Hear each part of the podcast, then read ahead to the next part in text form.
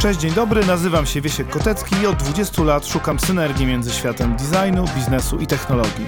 A ty słuchasz właśnie kolejnego odcinka podcastu Człowiek, Biznes, Technologia. Cześć, dzień dobry. Witam cię w kolejnym odcinku podcastu Człowiek, Biznes, Technologia. Tym razem będziemy mówili po angielsku. So I will switch to English because I have amazing guest today, Mike Bechtel. Hello, Mike. How's it going, Wiesiek? Very well, very well. How about you? Oh, other than jet lag, I feel great. All right. So it's kind of like really far away from Chicago to Warsaw. So thank you for, you know, possibility of having you here. It's absolutely my pleasure. Yeah. It- so maybe I will start with a short introduction because the list is kind of impressive of your ex, like ex consultant, ex venture capitalist, professor, ex CTO, and now chief futurist Deloitte. What does it mean even? Oh boy. Well, I'm the first to admit that it, it's been a, a, a long and winding road. But as chief futurist, I'm the first to further admit it can sound maybe a little crazy, right? How, how does one predict the future? Well, Yeah. I'll tell you in a bit, it's not even that much about predicting, right? It's more about preparedness. But really, my team and I work to make sense of what's new and next in tech, Hmm. right? A more boring way to say what I'm up to is I'm an emerging technology research director. But All right. what's the fun in that, right? Let's talk about the future, right? Let's talk about possibility because without m- meaningful storytelling and insight, nobody's going to be reading these white papers. All right, so let's let's start with the storytelling. I like Sure. it, like the idea uh, with a little twist. So let's switch to movies. I'm the I'm the movie guy, and I'm the science fiction movie guy. Okay. And the science fiction is all about the future. Yeah. it's about the possible future. Yeah. So if you need to choose one movie who's the closest to your vision of the future, what it would be? Oh boy. You know, when I think about accuracy eh, or, or eh, imagined accuracy, I think about any science fiction that sort of imagines the same human conditions and human problems, but at some scale. Mm. And so, one of my favorite books, and then it became a you know a, a movie with some mixed reviews, but I really enjoyed Ready Player One. All right. And not because I think that the real world will crumble and the virtual world will take its place, but because I, I love this idea that e- even in a virtual world, class still matters, right? Even in a virtual world, knowledge still matters, Mm. right? Even in a virtual world, you have people acting from a place of passion, and then you have antagonists, bad guys, you know, acting from a place of greed. And so when I first read that book, I thought, well, this is clever and, and, Mm. and simple. The fact that I still think about it years on, you know, and that it became a, a film, I think, okay, here we go. Digital and physical better together. Uh, That movie really stands up. That's kind of interesting because I wouldn't say that's my favorite movie, but when I was trying to describe to to my wife and to my kids what could this metaverse word means, uh, it's actually the example is there, and also we are just after the introduction of Apple Vision Pro, which kind of like bring this vision really close to us.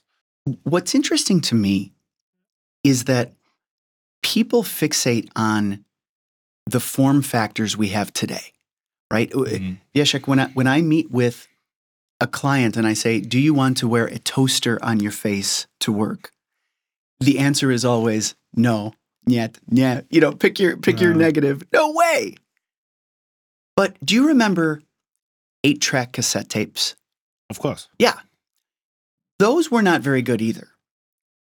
But they were a transitional tech, right? They moved us from big vinyl towards portability. And so to your Mhm. point, when I when I think about today's headsets, what I see is an 8-track tape.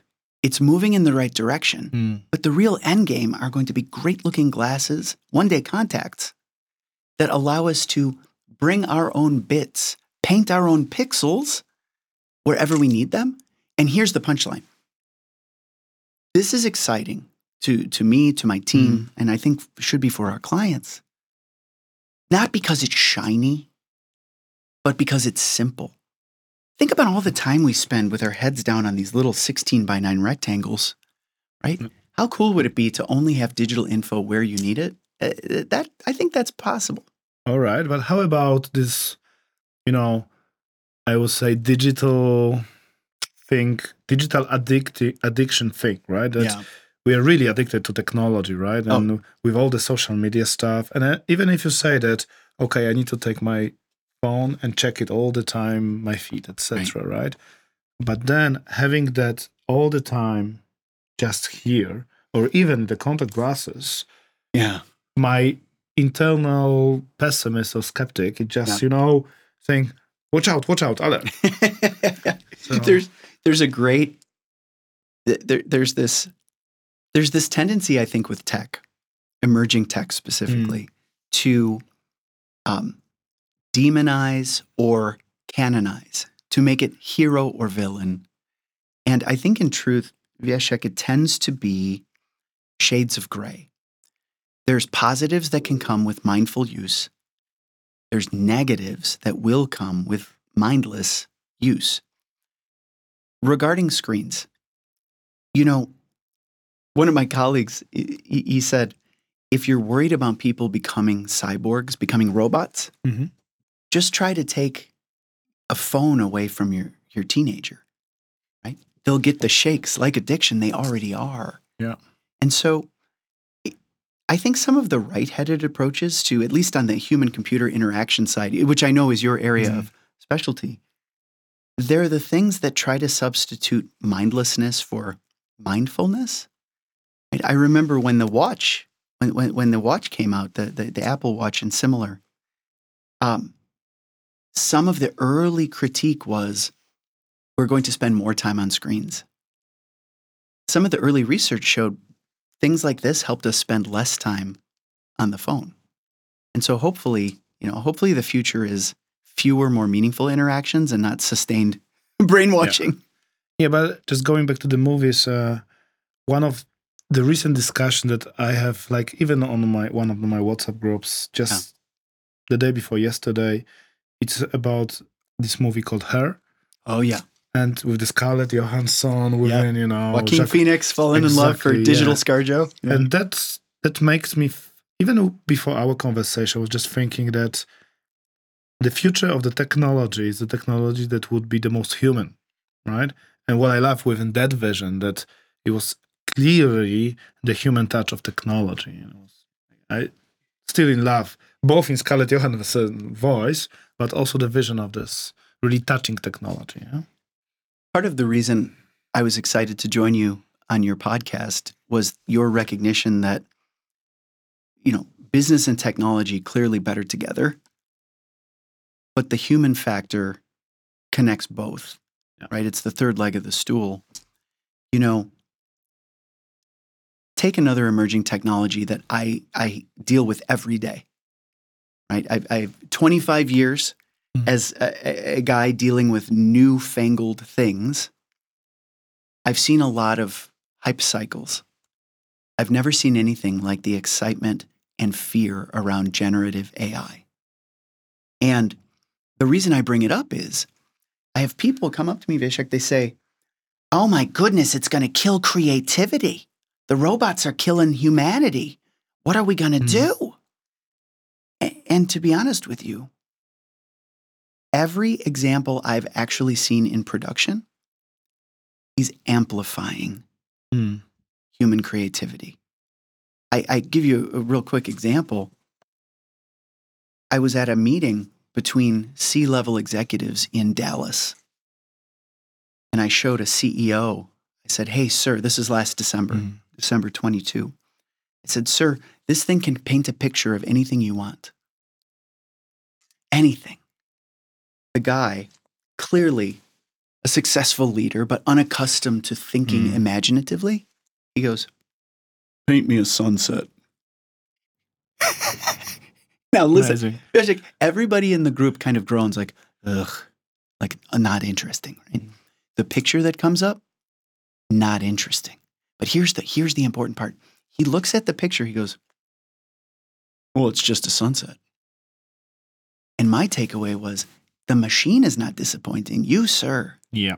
are disappointing. His lieutenant, his chief of staff comes in. She goes, Okay, I want to see corn chips versus potato chips in a fight. The corn chips have squirt guns, the potato chips have nunchucks. It's all on Mars. Yeah. The picture comes up, everybody celebrates the machine intelligence. Interesting. I'm sitting there thinking, let's celebrate her. Imagination matters more, humans matter more, not less, with these emerging techs. Yeah. So you know, I mean, the the whole art of prompting, how we call that, Yeah. it's amazing. I mean, I, when I started to to to, to- to play with uh, with Gen AI stuff, and in this case with Midjourney, because before our uh, our audition, I was telling you about my my camper van, right? Yeah, yeah. So the idea for my camper van, it was still pre, uh, before pre-COVID, was can I transform Mercedes Sprinter into something I called post-apo camper van? So yes. it was actually there's even a hashtag on Instagram, post-apocalyptic camper vans, and there's a whole movement of you know making kind of like Blade Runner type of uh, type of a van, which is kind of a black, painted like Right. a little bit rusty. Uh, my friends they they're even laughing that it's you know against the the vampire stuff, etc. Like really for the end of the world. Right. So one of the first thing was, can I create the picture of my van with Midjourney? And I started prompting. Okay. Can you create? Can you imagine the Mercedes Sprinter camper van based on Mercedes Sprinter in the post-apocalyptic world, prepared for uh, for the world without water and food, and to fight against zombies? that was actually the prompt yes. and it happened and i can t- i can show you later on it's exactly the same van that i have Right. it's amazing It's amazing. it's really but mean, but this this again to me the celebration is that you even thought to ask like what like Wiesiek what makes that to me a mechanical miracle is that you thought to conceive of this idea right it's it's to me a people and machine better together story uh, it reminds me of Tony Stark if if you're into that lore and here's a good Mhm. science fiction example you know Tony by himself is a genius and quite impressive. of course He also has these drones, these bots that fly around without a person inside. They're also quite impressive. But Tony plus the suit, that's the superhero. And so, one of the human things that we're seeing in our research, man, is that every time you're tempted to think about the elimination of a human job, it's actually an opportunity to pause and say, no, it's a chance to elevate a human to focus on better problems, higher tasks. There was a hmm. NASA engineer I talked to. He literally said, It's like, yeah, we're using generative AI to build rocket ship parts. And I said, Are you worried about it, that? He says, No, because I now get to focus on getting to Mars faster. exactly so i kind of also used ai to be better prepared for this podcast spend the quality time with you during our lunch instead of preparing the questions Tell me more. so there was this prompt that can you prepare the questions with Mike Berto for my Człowiek Business Technology podcast? And Mike is the Chief Futurist Officer for Deloitte. And the first one was like the following What was the eureka moment or inspiration to drown you in the world of futurism? Oh my goodness. Well, a celebration again of both the the machine doing a good job and you doing a good job asking the machine. You know, my, my journey to current, back to that long and winding road, um, it, I would say it's fairly unique. And I don't for a second pretend that I knew what I was doing on each move. Um, I started as an inventor. I was working at a different professional service firm. I was, you know, focused on creating new technologies where best practices would not do. Because what, what I learned early in my career, of Wiesiek, was sometimes businesses want to emulate a best practice, right? They want to play catch up to a leader. And I think traditional technologies and mm-hmm. advice can get you there. But what I started to notice was that many of our clients were less interested in what the, the big guys were doing. They wanted to know what the what the cool kids were doing, Mm. right? Don't show us how to play catch up, show us how to play leapfrog. Yeah. Yeah. And so after about 12 years as an inventor, I thought, okay, let me put my money where my mouth is and become an investor. And So as- skin in the game. skin in the game, man. Yeah. And I thought, how hard could it be, right? I understand the difference between real, interesting tech and, and snake oil or, or fake tech, you know, uh, we call vaporware, slideware. Boy, was I wrong. Specifically, I learned that there is so much more to a successful business than just tech. And, and, and in fact, you know, I like to say, take it from a, a, a 25 year geek tech comes last. Mm. And so we did okay, right? Like we we got our money back and, and made our investors whole, but it was clear to me that my future wasn't to be a banker. And it was this recognition that I said, what is at the intersection of sort of inventing, investing, the possible, the profitable? I thought maybe, maybe it's helping enterprises, companies, startups, everybody be better prepared to Mhm. digest these emerging techs.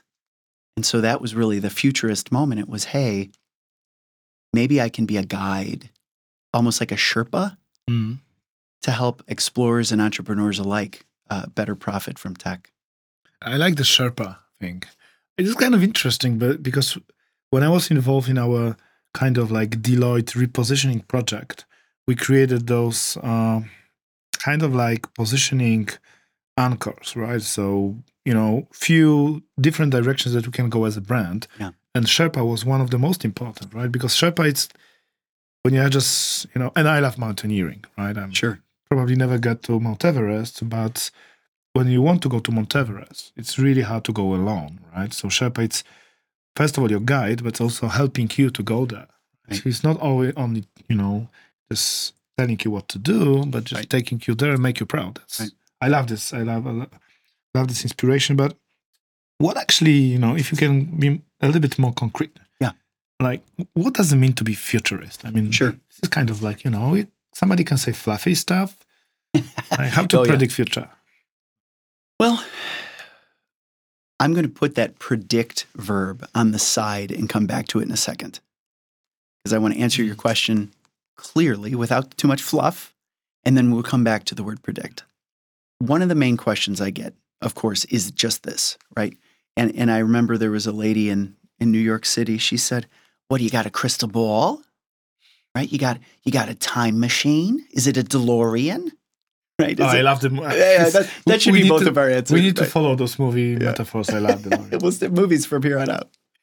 But you know, essentially, what what's your secret? How do you do it?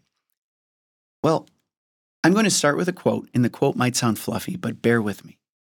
Do you know the old William Gibson quote? The future's already here. It's just not very evenly distributed. All right. It's from his book Neuromancer, 1982 or so. Another sci-fi Classic. classic. Oh, yeah. Anyway, at Deloitte, one of our privileges is that we're so global and we work in all sectors.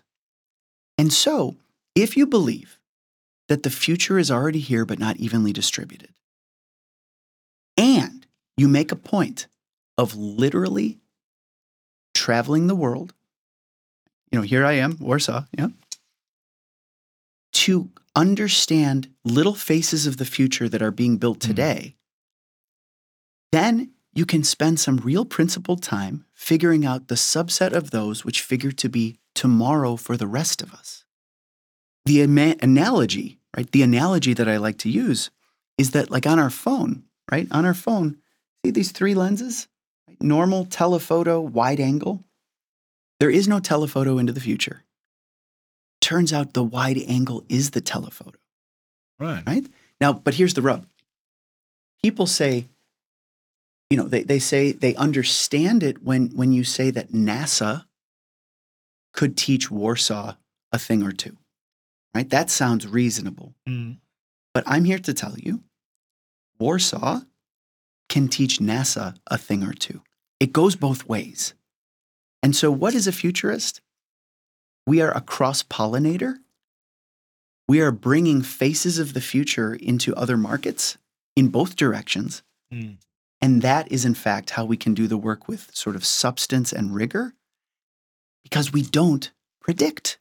And, and that's really the, the, the reason I, I jumped on predict is prediction is pretending you know one future and very likely getting it wrong. We like to say we project. Think of it like a flashlight. Here's a collection of possibilities, a smaller collection of probabilities. And outside of all that preposterous, you know, stuff that probably won't happen.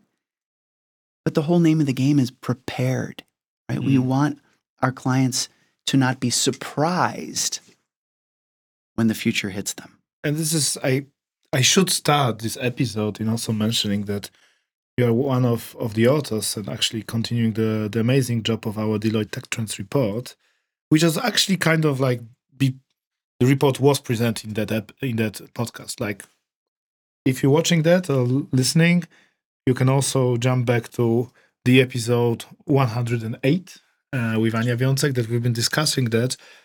And I've been looking and list and reading and watching the, the, the Deloitte Tech Trends for a couple of years. Hmm. And it's kind of interesting that you can actually see that looking into the future is actually going also to the past and see the line, right? Oh in man, this is this projection as you as you as you mentioned, right?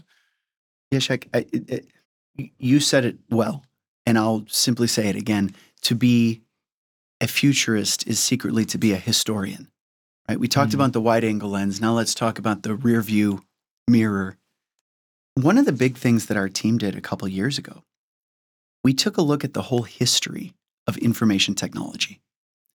And when I say history, I don't mean, you know, back to mainframe computing or COBOL or anything. Mhm. I mean 1842 I'm too young to remember COBOL.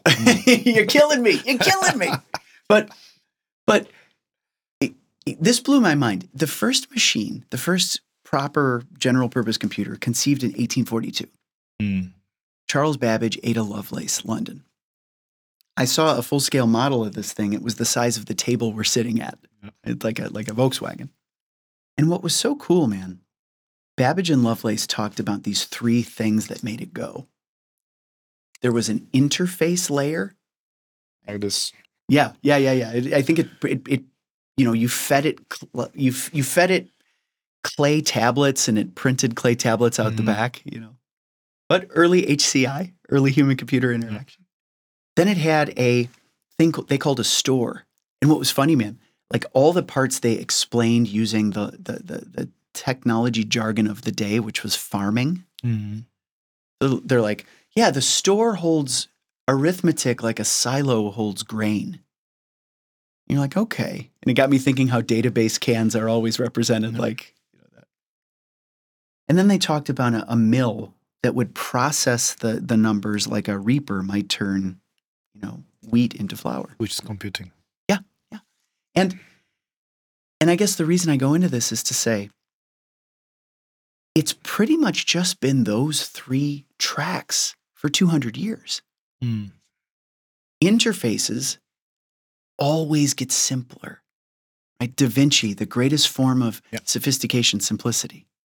So from the mainframe right, to the um, uh, GUI, or well, command line interface to the GUI to mobile to VR. About the command line, and it's, I know that it's a lot of those small stories, but literally like three days ago, I was just, you know, kind of like going across different Insta stories or whatsoever. Yeah.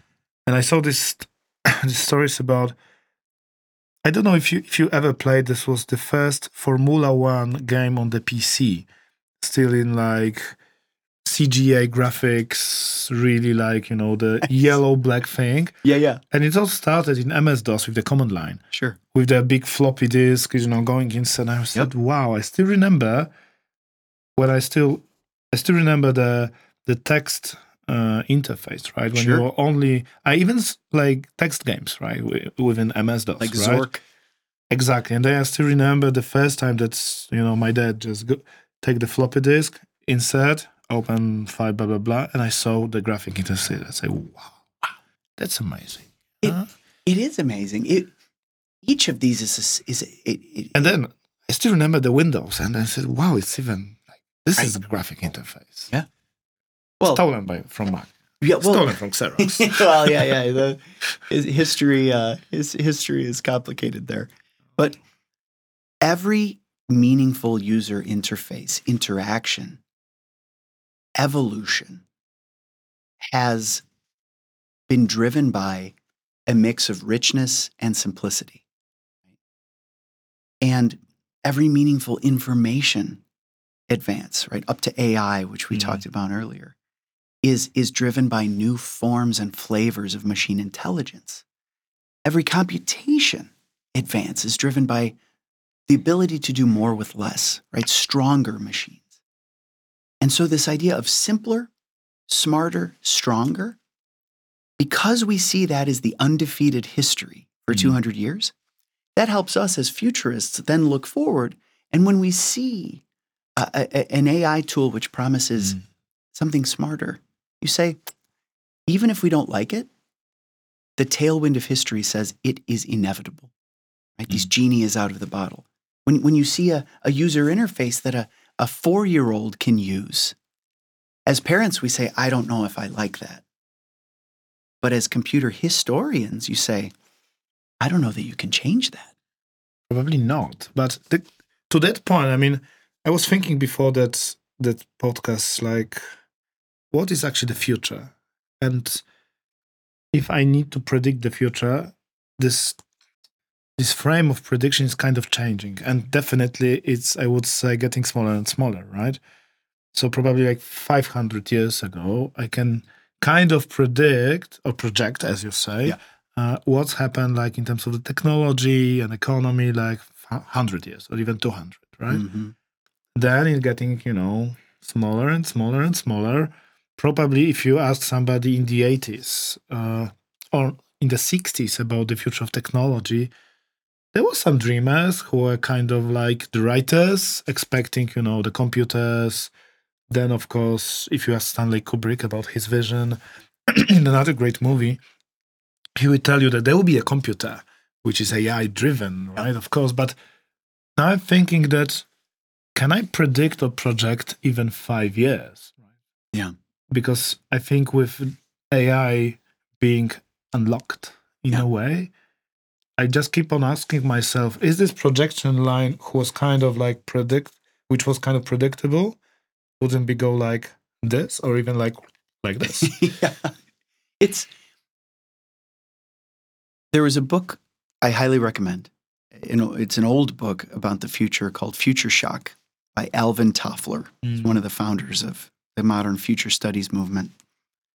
And, and in that book, he talked about this idea that the future is literally coming faster. And he speaks to what you're what you're saying because here's the thing technology, generally speaking, is exponential, Hmm. um, logarithmic. You know, pick pick your more mathematical, uh, you know, accurate term. But the jump from Charles Babbage to the first mainframe in New Jersey took hundred years. The jump from that mainframe era to the mini computer command line era took about 40 years. The jump to GUI took 15 to 20. The jump to mobile took about 10. And the jump to VR took about six. And so, because the future is literally coming faster, and again, not in a fuzzy way, but in a exponential function way, our flashlight Mm. right? Think of that projection as a flashlight. Our flashlight necessarily can't shine as far. No, And it's getting narrower and narrower. right? Narrower and shorter. And so I think that this might be I've not thought of this before, but here Mm. we are on your show, revealing a new possible concept, brother. I think maybe this is why we're seeing the emergence of so many futurists and future studies teams, because what used to feel like a 20 year fuzz exercise is now clients saying, Can you help me make sense of next month? but that could be a nice metaphor. Why don't why do you need so many futurists? Because if every one of those flashlighters is getting smaller and smaller, and you get more people, Yeah. then maybe you'll get, hopefully, this. Well, it reminds me. Remember Linus Torvalds, the, Yeah. the who made Linux? Yeah. Um, he had this great quote 20 years ago. He said, "Given enough eyeballs, all bugs become trivial." Mm. And what he meant was that the open source community had an advantage that a corporation might not, namely uh, a hundred thousand eyeballs shining lights. And so I think you're onto something, Wiesiek, that given enough lowercase f futurists, we're less likely to be surprised. Let's see. But going back to this, when you mentioned from 100 years to this like Yeah. five to six to to VR, do you know how long did it take to get the first million people in OpenAI? Back then, November 2022. Oh man, I, I know directionally it's astounding, but but blow my mind, man. What how how so if you said that it took 100 years to the, get to the mainframe, Yeah. I can tell you that the first million people using AI was five days. Five days, And then 100 million people was two months. two months. Yeah. Have you? Well, we've talked about how you've used it for today's questions as, as but that was that, that was my personal research. Uh, have you found these tools helpful in your everyday life yet? still getting there, I need to say. Mhm. Yeah, so I need to, in my case, I still need to remind myself okay, so maybe I will be better prepared for our conversation using AI. But Yeah. this is like I'm mentioning because I just think that this movement of like making OpenAI open and ChatGPT uh, in an essence, and that make that democratize the access to the technology, right? And I think that is something different than it used to be, right? Oh, even yeah. even within open source movement, this is bigger. Well, you know, five years ago, I would be in front of my clients talking about how large language models could create Shakespeare of a quality that would fool a Shakespeare scholar. Yeah. And what was so interesting, Wiesiek, was that people would, people would, you know, a business executive, a CEO, would sit thoughtfully in that chair, and you could see behind their eyes, they're thinking, yeah, but my business doesn't do Shakespeare. Right? What is the business case guy? You know, this is and then last November, from a geek perspective, what I saw was what I think you saw. This was an evolution. Somebody saying, let's put a chat box on front of something we've been developing for Mhm. 10 years. And suddenly it's socialized. It's democratized. It's it's like a powder keg going off. From a geek perspective, it's it's just an LLM transformer. But I, I think you make a great point that something about inviting everyone to the party has proven magical. Is it scary, or is it is it more possibilities in here, or is it more risk in here from the futurist perspective? Okay. So this is important stuff, right? Mm. To me, all technology is a tool. When I hear the word technology, I do a mental sort of control C, control replace. Mhm. And I always say to myself, tool, right? Here's the thing about tools tools are extensions of people, all the way back to like Homo habilis, Mm. Australopithecus africanus. The history of humanity is a history of primates using tools. So for me, I know this might sound a bit poetic, but a knife is a tool. You can use it to make your dinner and feed your family, and in turn, grow your family. An evil person or a mindless person can use this as a weapon. Hmm. And so, if you fast forward the wheel, right, it can be used to bring joy to a child and speed up a commute. It can be used to build a tank. Right? Gen AI, mindfully used, I think it will transform the way we work and live because it will force amplify the right kind of hmm. people's right kind of ambitions. Used mindlessly, it's a weapon in the hands of children, and nothing good comes from that.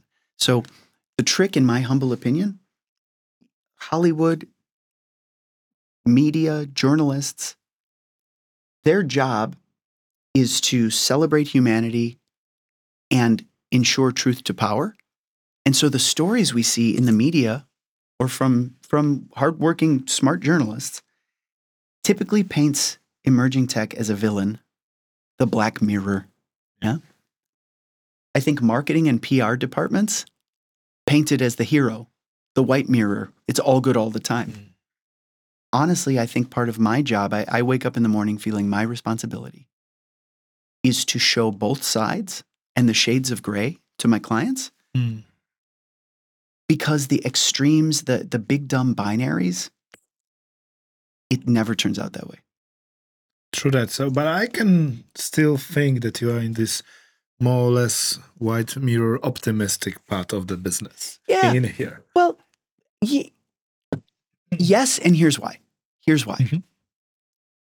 I think as a personal and professional value, Mhm. I am on the side of the creator as opposed to the critic. I think it's easy to write we, we call them in, in the states think pieces you know like Mhm. uh, op-eds i think it's easy to write an op-ed about everything that could go right could go wrong etc right but as much as i love say you know roger ebert the famous movie critic Mhm. i think i i respect more the steven spielberg right the maker the, the people who are in the arena if you will and so to me it, the thoughtful creator changes history the thoughtful critic writes down that history But- That's a nice quote. Oh, thanks. But I, I think this is the reason I'm an optimist because I think we are the heroes we're looking for. And we are building these technologies, not the other way Mm. around. I mean, they're shaping us, sure, it's a feedback loop. But at the end of the day, last time I checked, we're still running the show. Yet. yes. So, uh, as a CEO, right? Because you are talking to a lot of CEOs, right? Even today, we have the meeting with the top Polish CEOs here in Deloitte. Should I be worried that AI will hit my business? Or should I be worried that I'm not leveraging my business enough to be competitive? Yeah. So the advice I typically give a CEO, right? And and and when I say typically, I mean daily, because everyone's talking about this right now. Is I, I I usually open, I say, listen, ma'am, sir, AI is not going to put you out of business. Competitors thoughtfully using AI will put you out of business. Because think about it, back to the tool thing, whether or not your uh, tribe is pro knife or anti knife, the fact is the tribe next door probably has a knife, Of course. right? And so the first thing I say is don't think of this as, a, as magic from heaven. Think of it as a tool, a tool your competitors are wielding. Two, I typically recommend, I say, listen, when, when we think about, as a business leader, when we think about Gen AI, naturally the first thing that comes to mind is cost reduction Efficiency? efficiency, um, automation, cost takeout, right? I, I- Less I- labor? yeah, less labor, the whole thing. My old business partner used to say, Mike, you know, you can't shrink your way to success. And what he meant was, that it's fast and easy, and I would argue a little lazy, to say these tools can allow us to do the same thing with less people. That might please Wall Street for the next quarter. Mm. But business history is filled with companies that outsourced and skinnied up everything they did. And then one day, right, found competitors showing up who beat them by doing more, right? Right? There's a famous computer story, right? Well documented in the public press. Uh, Clayton Christensen writes a lot about Dell. Mm. Dell outsourced pretty much all of the manufacture of their components. And then one day, the Taiwanese manufacturers like Asus showed up with world class PCs because they their their exhaust was their input. Yeah. So where I'm going with this is CEOs need to look at this not as a tool to shrink and take cost out of the bottom. They need to look at this as an opportunity, finally, after years of complaining that we have a shortage of talent, scarcity of resource. Say, look it, we've just freed time for Agta and Tomac and, you know, uh, Krisha. We are getting better and better in those names. Thank you, sir. Jankuya. To, we've freed these people's time to work on higher order problems. Mm. And so I think Gen AI as a shrink strategy, short sighted. Gen AI as a growth fuel, that's going to be the exciting story. That's interesting. I never thought. I mean, I've been thinking of that, but now I can have a new look on that. So that could be kind of the answer of you know aging and aging Western developed societies. Yeah. As you said, shortage of labor. Um, everybody's talking about that. In Europe, definitely, you know, we have older and older society in Germany, Switzerland, even in Poland. It's you know the projection. uh, it's it's getting worse and worse. But what does it mean for the developing economies or for those economies who kind of like leveraging the situation of the big population, like India, like China, right? Yeah. I've Well- never I've never been thinking from the economic perspective on that problem. Yeah. Yeah. You know, like most of these things, I think it's shades of gray, right? I, I had a, an interesting discussion with a gentleman yesterday who said, you know, there are poor, poorer regions of the world, less developed, uh, maybe more polite way to say, Yeah. where people are earning pennies to train these machine models. And that feels very dark, right? That feels like humans literally working for machines. That's not good. But on the flip side, you know, one of the things about AI is that it's been sucking all the oxygen out of the room. It's all anybody's been talking about. Mhm. The third emerging technology that we think is a big deal, besides the VR, metaverse, the AI stuff, c- continues to be blockchain tech. And when I say that to people in 2023, they say, ugh, right? Because we've had a year of NFTs and FTX and SBF and all this stuff. But the truth is, blockchain reconceives the world's computing resources and financial resources as a single interconnected, sort of trustworthy grid. Mm. Now, why am I bringing this up? Why am I changing the topic? Because I haven't given too much thought to AI in the developing world and implications. But blockchain tech, the developing world is all over that. Because decentralized finance, digital currencies, the friction is so reduced to get in and create Mm. a business. You could create a business right now in, you know, you know, Central Africa that takes payment with digital currency, whereas you would have been locked out of traditional banking, traditional currency, etc. And so, like the AI piece, there's good, there's bad, but I think the Mm. future belongs to the people who find usefulness. It's interesting that you mentioned blockchain because it was one of my next question actually. You know, how to navigate the old hype around those, you know, bullshit bingo kind of a thing. I love it. Yeah. So because I mean, Yeah, you're, you're you're working in this business for so many years to just you saw the hype moments, right? hmm Around metaverse, around blockchain, right? Yeah. Now around AI. The question is the hype or is the reality? That's the other one, right? Yeah. Like, I mean, what from your perspective? Let me start with that. What are the most frequently asked question about those stuff? So if you talk to the CEOs and the people around the world, you mentioned AR, VR, blockchain, AI, hmm metaverse. What else? Yeah. So, which of those is the most discussed, Many any others? or any others?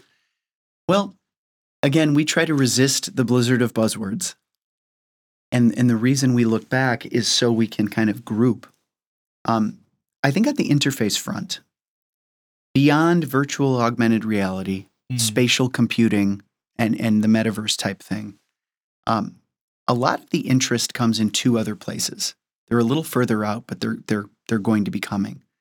One is the idea of ambient computing. Have you ever heard of, of this concept? Kind of, I think. Yeah. If you can, you know, tell Yeah. it a bit more. Ambient computing, as it's called at MIT, uh, Amazon, uh, Deloitte, it's this idea that the next great wave of simplicity will become machines that can infer and predict and meet our needs before we have to ask. So you meet the new venture of Elon Musk, right? With neuroscience. Yeah. Yeah. And what's funny about that is that would be sort of the generation after ambient brain computer interfaces. Exactly. yeah. thought reading and thought writing. Now, ambient computing says we're going to use the data we have about you, not read your thoughts, Mhm. perhaps, but using all the data we have, we can infer that you're flying to Warsaw.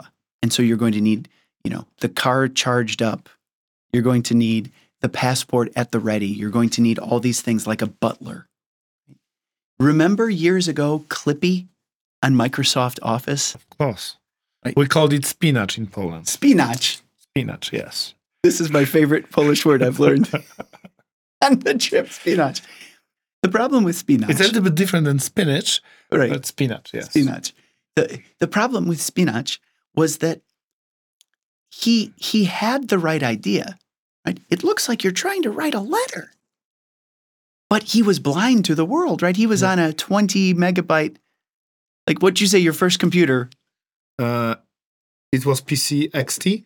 XT, XT, yeah. Yeah. He he could have the best intentions, but he was deaf and blind. But was it like Windows 2000 or which one was the first one? It was probably like Windows 98, 98, 2000, somewhere in uh, there. Yeah, yeah, yeah. But here's the deal imagine a version of that, right? A computerized butler, which is informed by cloud compute, cloud data, right? Gen AI. Now you're getting something like Jarvis from the Avengers. Then you add the brain reading, right? My granddaughter Hmm. she won't have to ask the thermostat to change the temperature, right? The thermostat will know from her spinal column that she's cold. Yeah. And so, are those ready? No. But I think after the computerized creativity hype settles down, Mhm. we're going to start to see that there's a new wave of computerized concierge. I mean, as I understand, we are a little bit going to that direction with this Gen AI based Copilot stuff, Mhm. still not connected to us Not connected to us. and not conscious. And not, yeah, not self aware. Skynet is n- no reports. Another great movie. Another great, yeah. Yeah. I was I was reaching for things that weren't quite so dystopian. Um, There's the best sci-fi is always dystopian. it, it is. It is. I don't know why, but it is. Well, Like it sits with you, right? Cautionary tales. Yeah, but going back to business, um, like we talk a lot about, you know, the big words like those AI, metaverse, all that stuff, right? And uh, as I said, I'm going back to this question about navigating the hype, right? Yeah. How to decide? I mean, you were the venture capitalist. You were Yeah. Kind of like investing the money, but you said you invested in 15 companies out of 3,000. Yeah, That was your we, story, we said right? no. We said so no s- exactly. You twenty said, nine hundred times. you said that you were pretty good at saying no, right? And navigating the hype is about saying no. It is. It's to dividing, you know, what is really important and can get traction and could be impactful for my business from the bus. How to do that? Well, I think it's a funnel that requires a healthy mix of optimism on the top and skepticism on the bottom.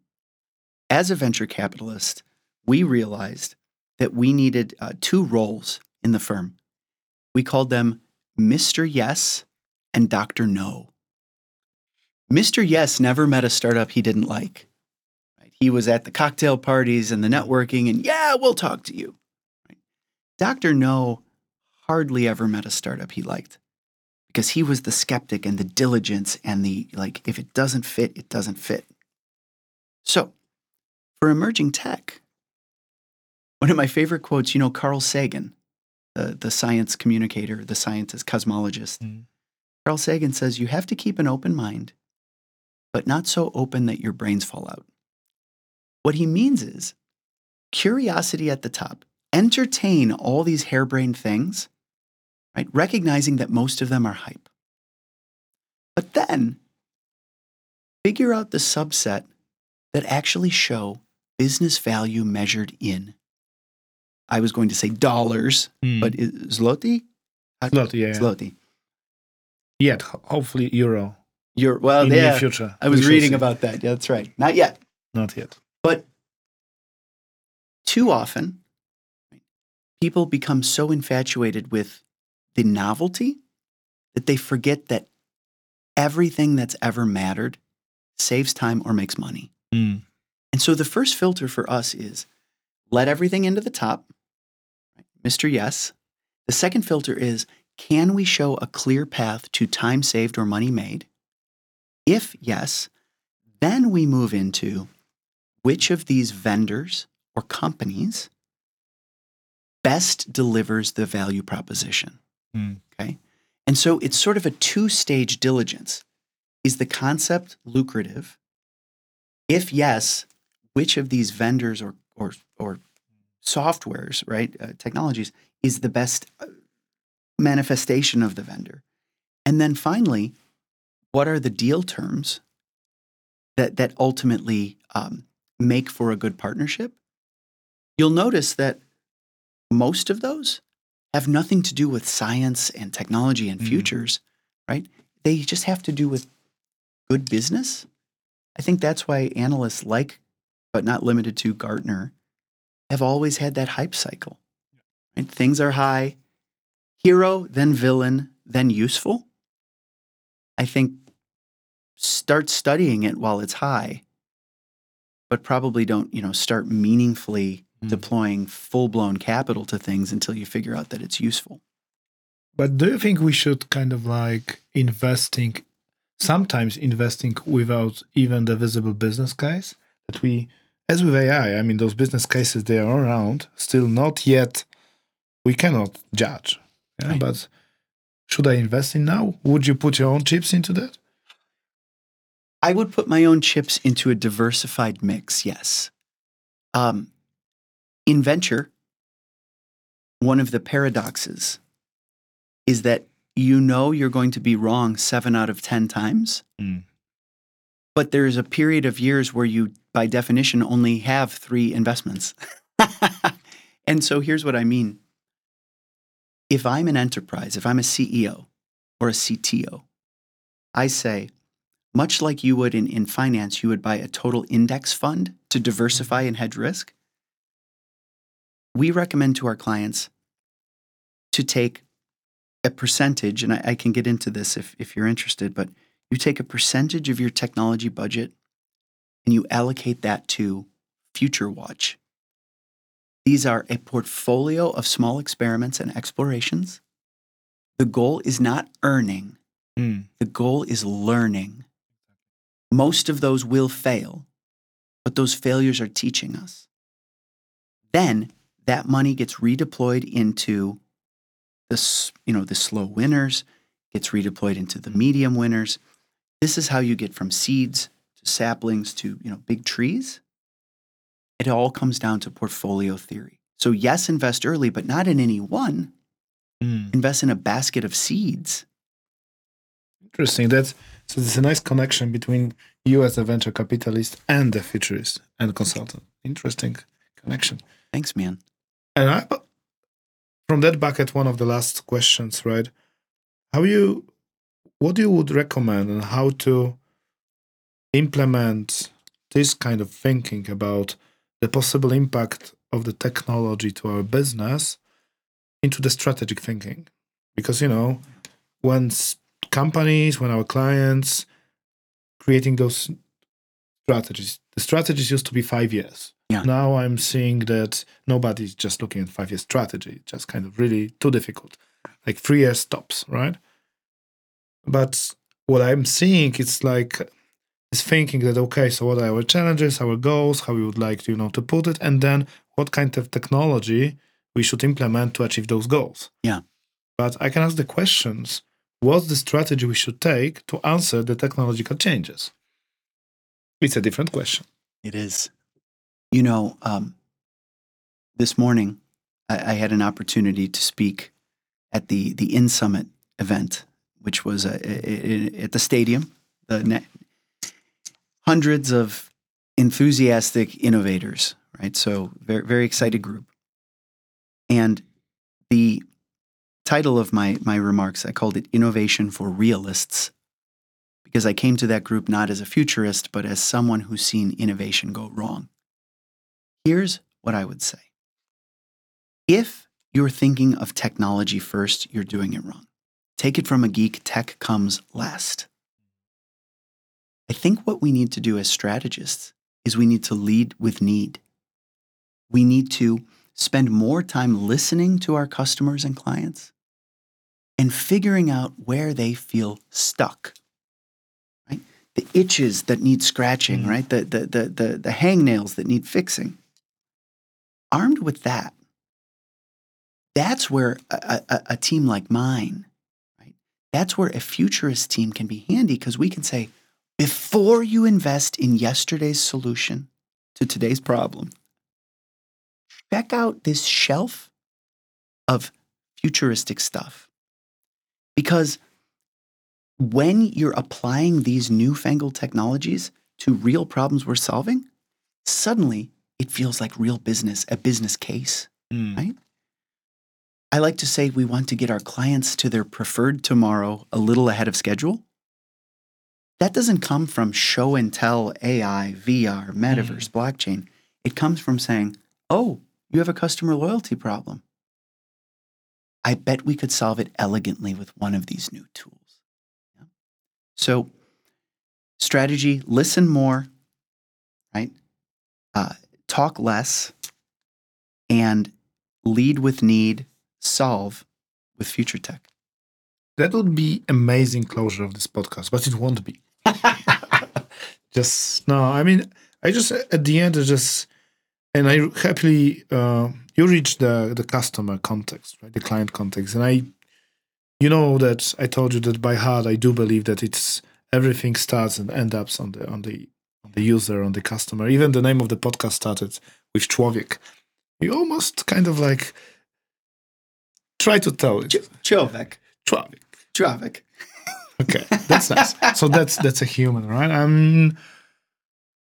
So we talk a lot how this big technological technological changes impact business, right? So what metaverse means to the business, what how AI will change the way that we drive the business, how we compete with the others, right? But what does it mean for us as a people, us as employees? I mean, what could mean to us in the Yeah. future? Well, I would argue that in this age of omnipresent devices, screens, and in this age of machines being not just better than us at math, but better than us at poetry. Um, i- i- in this age of, of, of computers that um, can prove something uh, immutably for a hundred years. That, believe it or not, people matter more. Because all of these stories are stories of force multiplication, amplification of what?